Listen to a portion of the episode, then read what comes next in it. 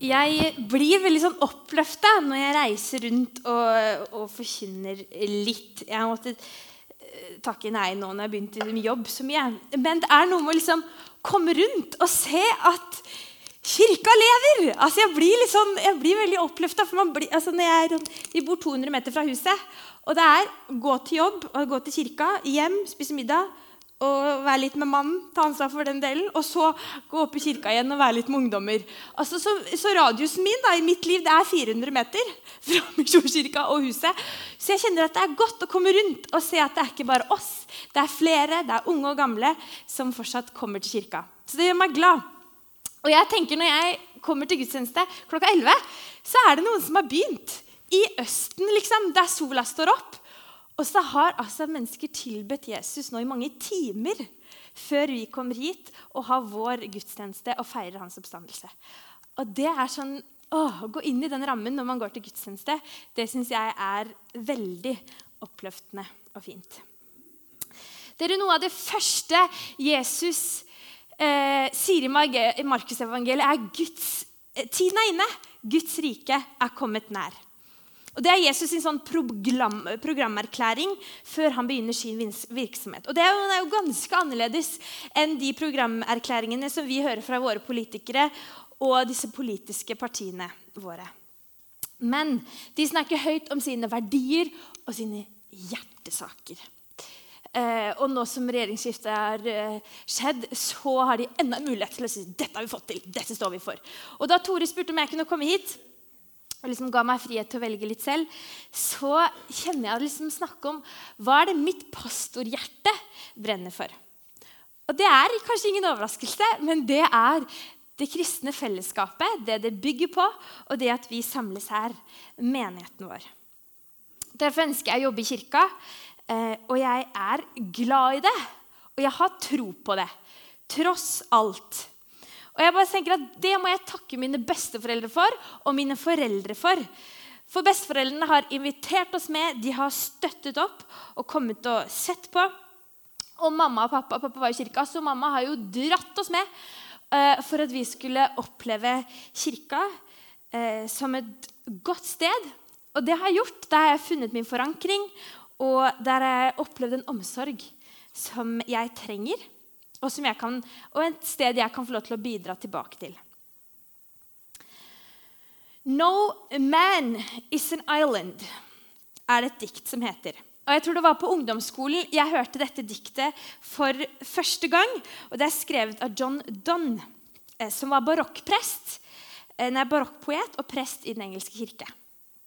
Og Jeg husker ikke så godt resten av diktet, men denne setningen den henter jeg liksom stadig opp igjen. Jeg er ikke en øy som livnærer meg selv. Jeg trenger fellesskapet, og fellesskapet trenger meg. Så frimodig tør jeg være.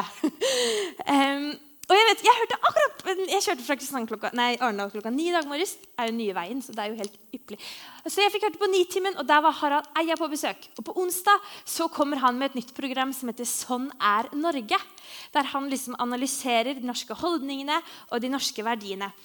Og der sier han at undersøkelser viser at det felles alle kan si, som er innvandrere eller innflyttere til Norge, både fra Europa, USA og eh, fra den tredje verden og sånn, mm, så sier han eh, at det alle sier, er at i Norge så er det ingen venner å få.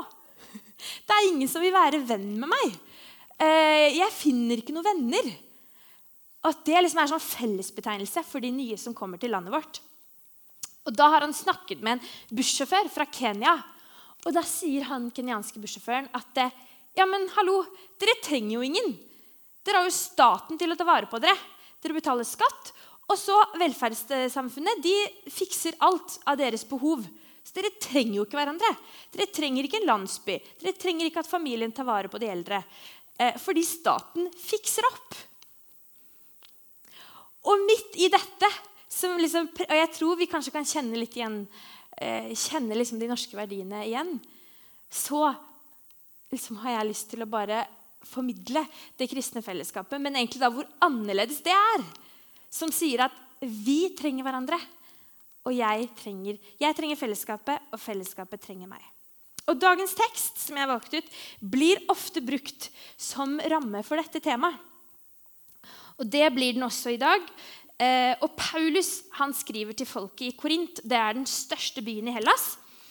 Og han har fått høre at det, der pågår det sånne gruppedannelser i menigheten fra bl.a. Kleos og Priskas folk. Og dette ønsker Paulus å dempe. Allerede fra starten av brevet så er Paulus sitt hovedanliggende at alle i menigheten skal være ett. Og når vi nå leser fra kapittel 12, så er vi midt inne i den delen hvor Paulus presenterer sin anbefalte teologi for menigheten når de kommer sammen. Og Jeg leser fra kapittel 12, vers 12. Slik kroppen er én, selv om den har mange lemmer, og alle lemmene utgjør én kropp, enda de er mange. Slik er det også med Kristus. For med én ånd ble vi alle døpt til å være én kropp enten vi er jøder eller grekere, slaver eller frie. Og alle fikk vi én ånd å drikke. For kroppen består ikke bare av én kroppsdel, men av mange. Om nå foten sier 'fordi jeg ikke har hånd, hører jeg ikke med til kroppen', så er den like fullt en del av den. Om øret sier 'fordi jeg ikke er øye, hører jeg ikke med til kroppen', så er den like fullt en del av den. Hvis hele kroppen var øye, hvor ble det da av hørselen? Og hvis det hele var hørsel, hvor ble det da av luktesansen? Men nå har Gud gitt hver enkelt lem på sin plass på kroppen slik han ville det.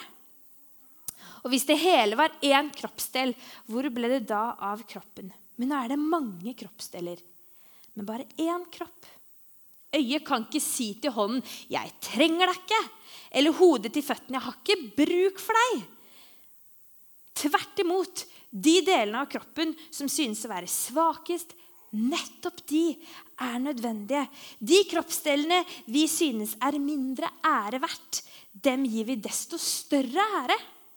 Og de delene vi føler skam ved, kler vi desto mer sømmelige. De andre trenger det ikke. Men nå har Gud satt sammen kroppen, slik at det som mangler ære, får mye ære. For at det ikke skal bli splittelse i kroppen, men alle lemmene har samme omsorg for hverandre. For om ett lem lider, lider alle de andre med.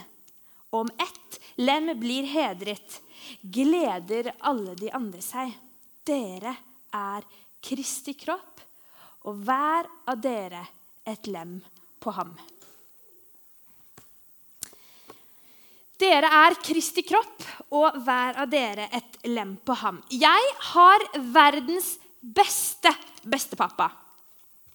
Eh, og han våkner og legger seg med sola omtrent, og det første han Han legger seg så tidlig. Eh, og det første han sier, eh, det er Nå snur sola dere. Snart er det jul. Altså, det er sånn fast kommentar fra han. Det er jo ikke kjempeambitiøst å snakke om jul når den akkurat er ferdig. Eh, eh, men det er i denne høytiden at mennesker får sitt første møte med Kristi kropp. I Betlehem, i en liten stall, blir Jesusbarnet, ja, Gud selv, født inn i vår verden. Og kroppen, det er de ytre grensene for vårt indre liv. Den blir på en måte bildet, det synlige jeget. Og ved hjelp av kroppen kan vi uttrykke følelser, vi kan oppleve nærhet og fysisk kontakt, og vi kan gi det samme til andre. Og Kristi kropp blir julaften for 2000 år siden det synlige bildet på jeget til Gud. Og gjennom denne kroppen så kunne Gud komme nær mennesker og uttrykke sin kjærlighet for dem. Så ved Kristi kropp så får Gud selv møte mennesker. Spise måltid med dem, være i fellesskap med dem og på den måten være et medmenneske for dem han møter.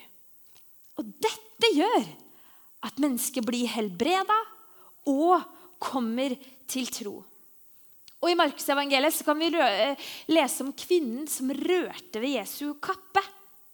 Hun ville så desperat møte denne mannen, så bare hun liksom kom bort til han, så var hun fornøyd, og det skjedde noe med henne. Når mennesker kom nær Jesus, så kom de nær Gud. De fikk et hellig møte som i de fleste tilfellene forandret livene deres på ulikt vis.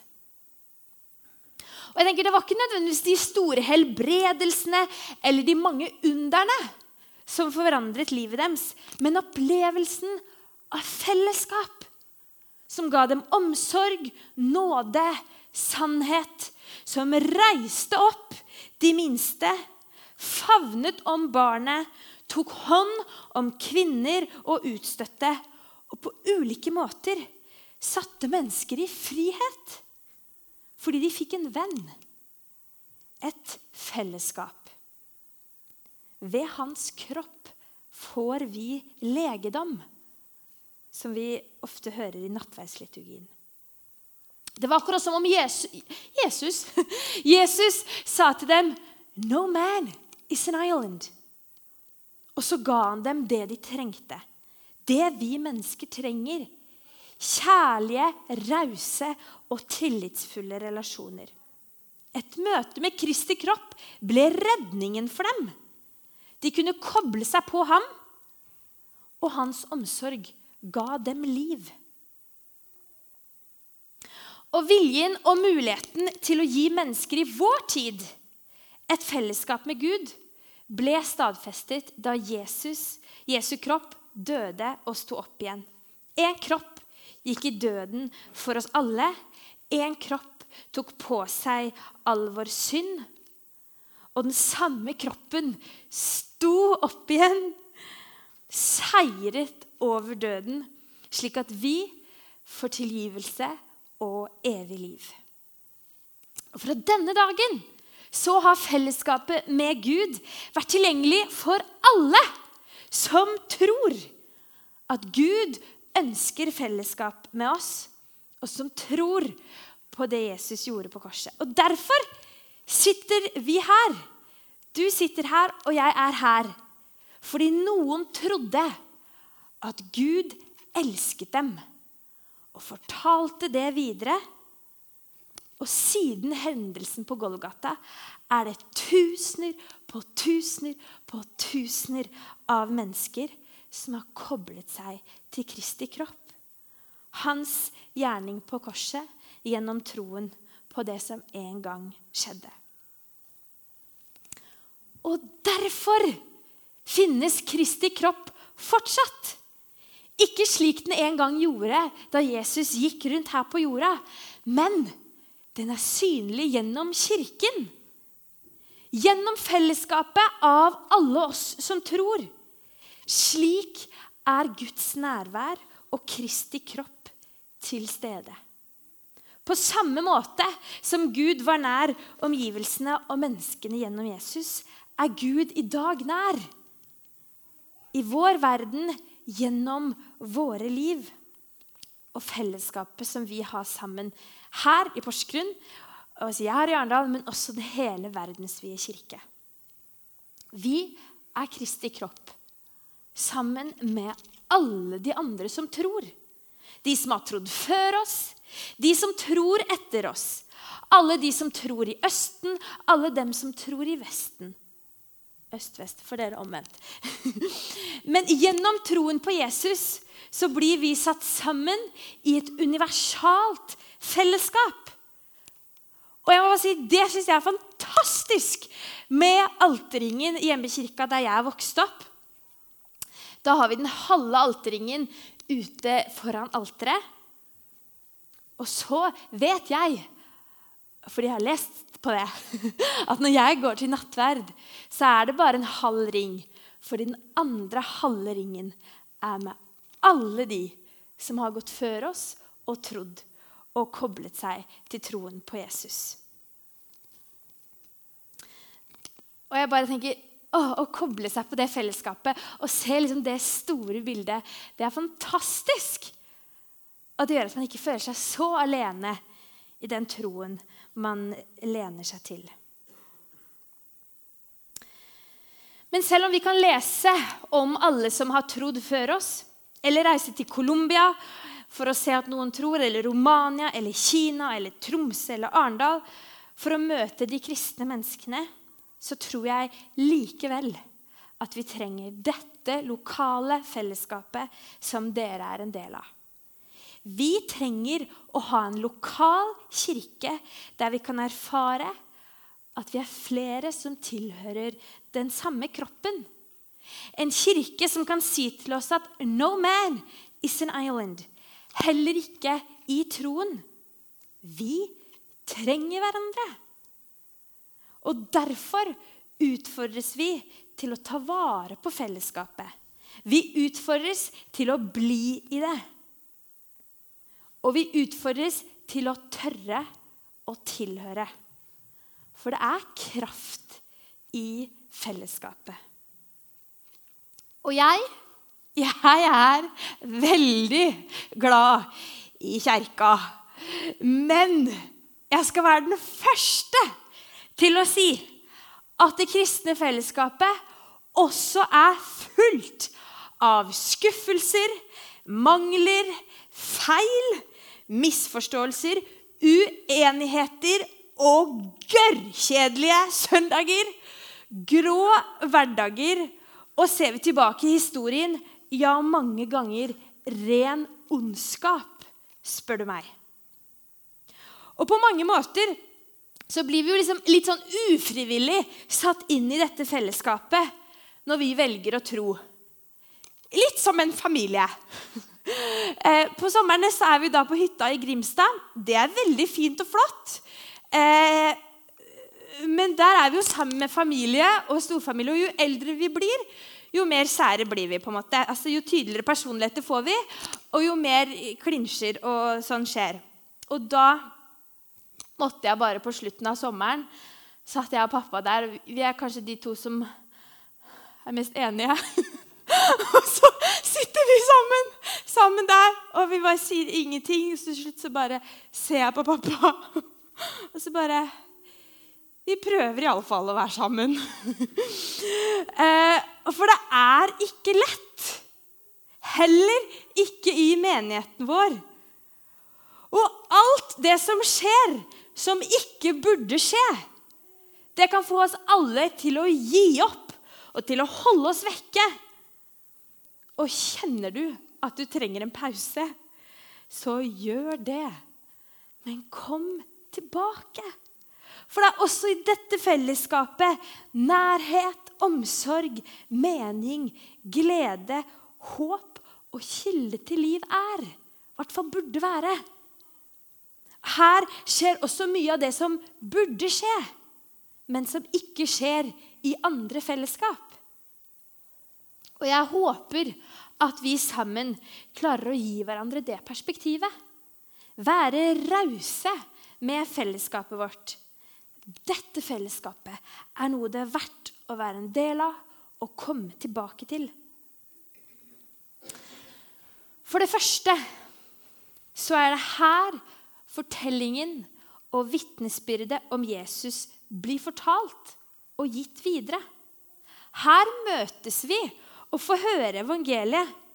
Her blir vi minnet om hvilken kropp vi tilhører og det han gjorde på korset for oss og for alle mennesker. Sånn at vi kan fortelle det videre til ungdommene våre, til barna våre og til hverandre, til naboen, til ham på butikken.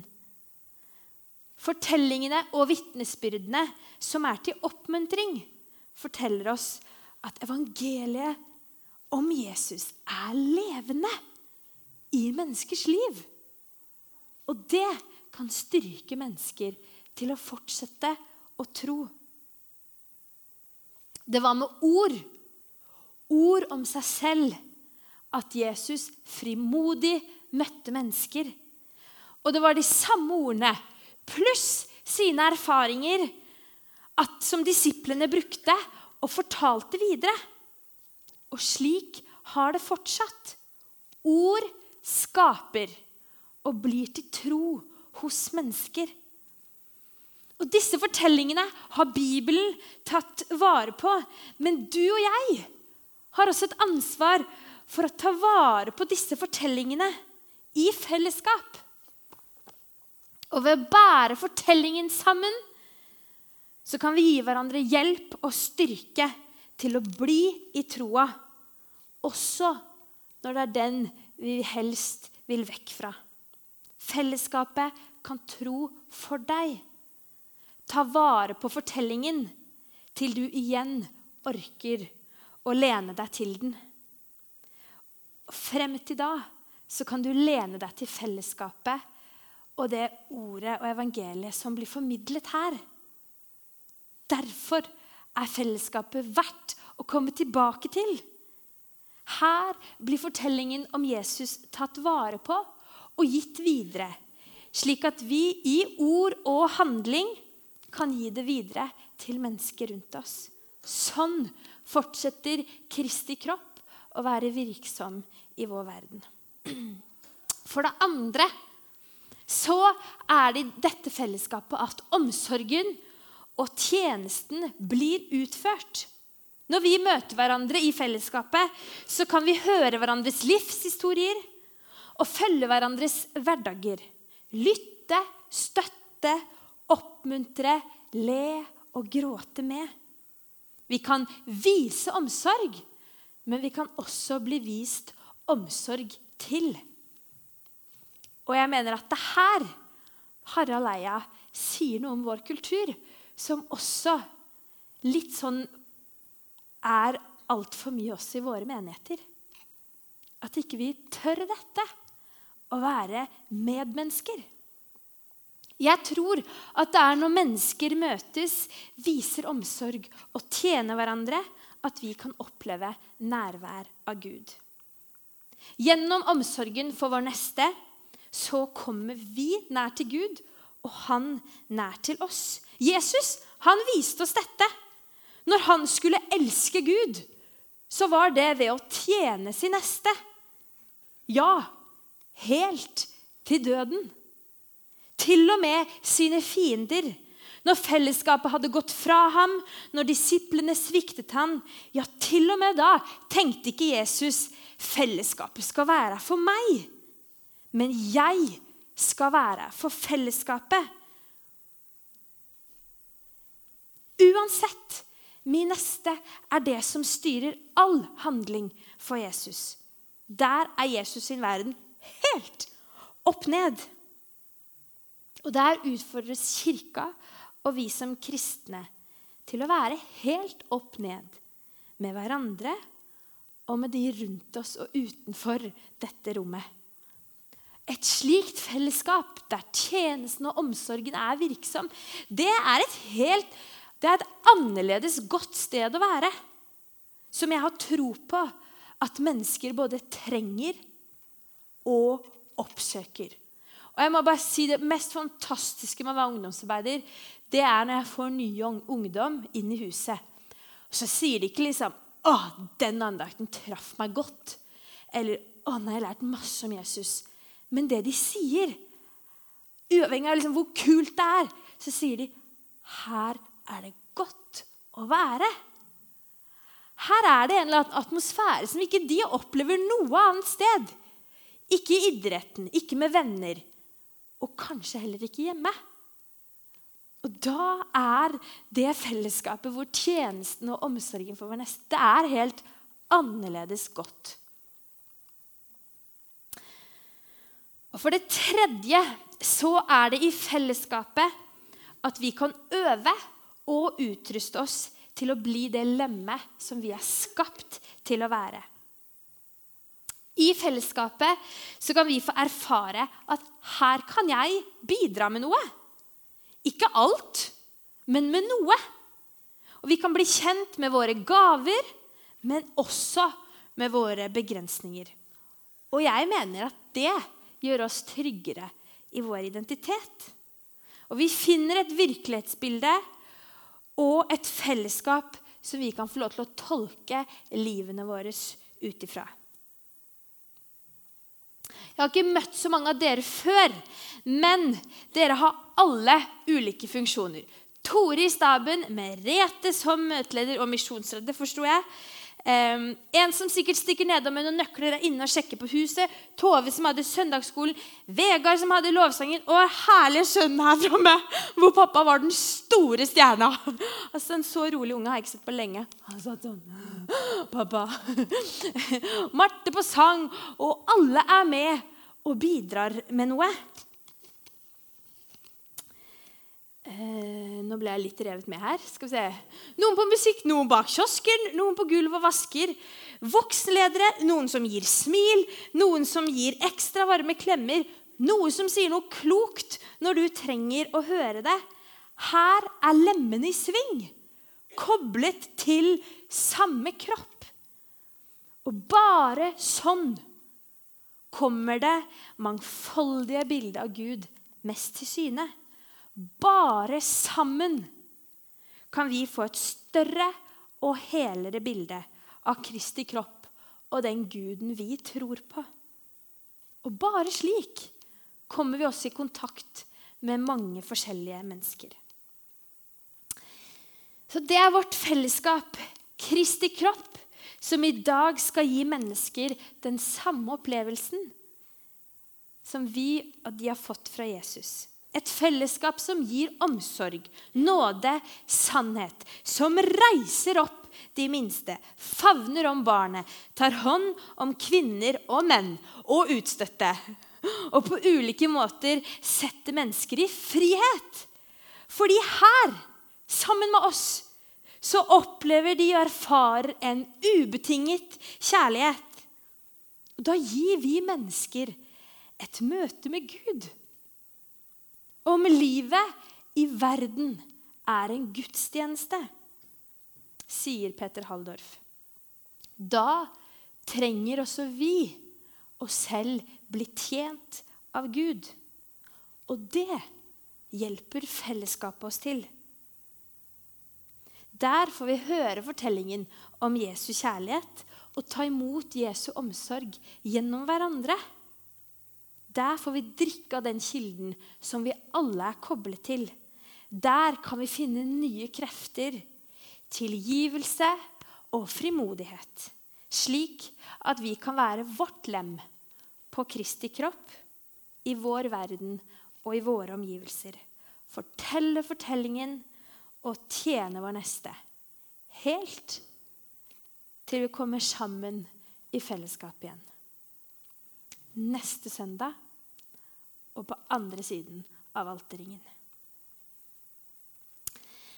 Kjære himmelske Far, takker deg for at du er her, og du har fylt ditt rom med din ånd nå før vi kommer sammen. Takk for at vi kan komme hit og feire gudstjeneste og feire det store som du gjorde på korset for oss da du gikk i døden. Men også da du sto opp og gitt oss tilgivelse og evig liv takker deg for at vi kan komme sammen og høre om dette. Og hjelpe oss til å ta vare på den fortellingen, så vi kan få lov til å gi den videre. Gi oss mot og energi til å være en del av dette fellesskapet. Og la oss Og må du liksom åh, ja, gi ut din omsorg til alle her i denne menigheten, så de kan oppmuntre hverandre til troen på deg og til omsorgen og tjenesten for sin neste. Så ser du alle her, du ser alle de livshistoriene som sitter her, erfaringene med både tro og med kirke. Og jeg bare takker deg for at tross alt man har opplevd, og all tvil man kjenner på, så kommer man hit, og så tråkker de over terskelen. Og jeg bare å, ja, takker deg for alle de menneskene som liksom holder seg eller tror på ditt evangelie. Og må du la de få lov til å kjenne på at der er den ordentlige friheten. Og der er det de trenger for sitt liv, sånn at de kan gi det videre til de rundt seg. Må du holde din hånd over Porsgrunn misjonskirke. Du ser hvilke utfordringer de har her i menigheten. Um, må du være med i alle avgjørelser som skal tas, i alle hverdagslige valg og styring. Må du ta vare på barna på søndagsskolen og ungdommene her. Herre. Mm. Ja, Jesus, takk for at du er her når vi samles. Og må du hjelpe oss, hver og en av oss, til å finne vår plass i troen på deg og her i kirka. I Jesu navn. Amen.